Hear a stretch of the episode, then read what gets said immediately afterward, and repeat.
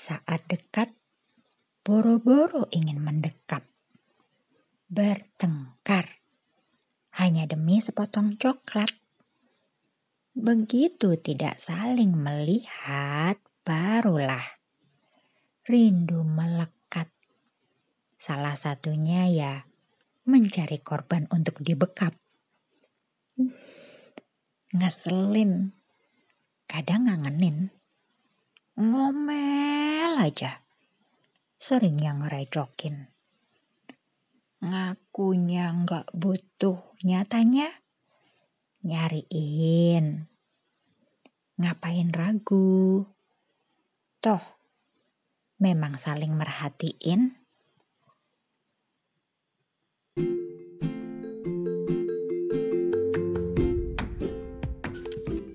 hubungan itu biasanya memang yang membuatnya langgeng, yang membuatnya menciptakan rindu.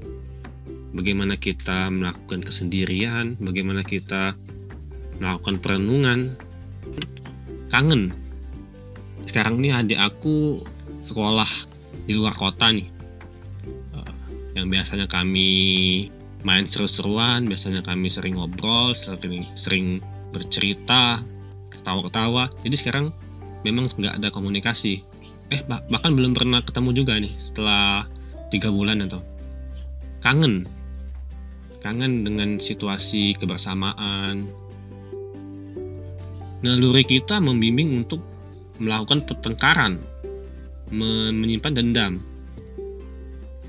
Ya syukur-syukur kalau kita tidak pernah menyakiti orang-orang terdekat. Tapi kalau memang pernah, itu masalahnya ada di diri kita sendiri.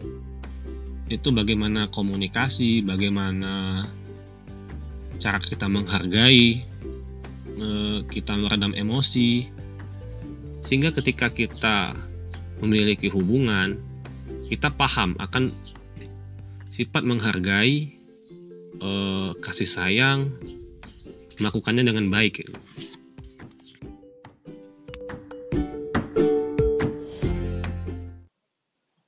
Mendengar pria mencurahkan isi hatinya. Merangkai kata yang kaya. Menyelaraskan rasio dengan rasa. Membuktikan bahwa pria juga manusia biasa.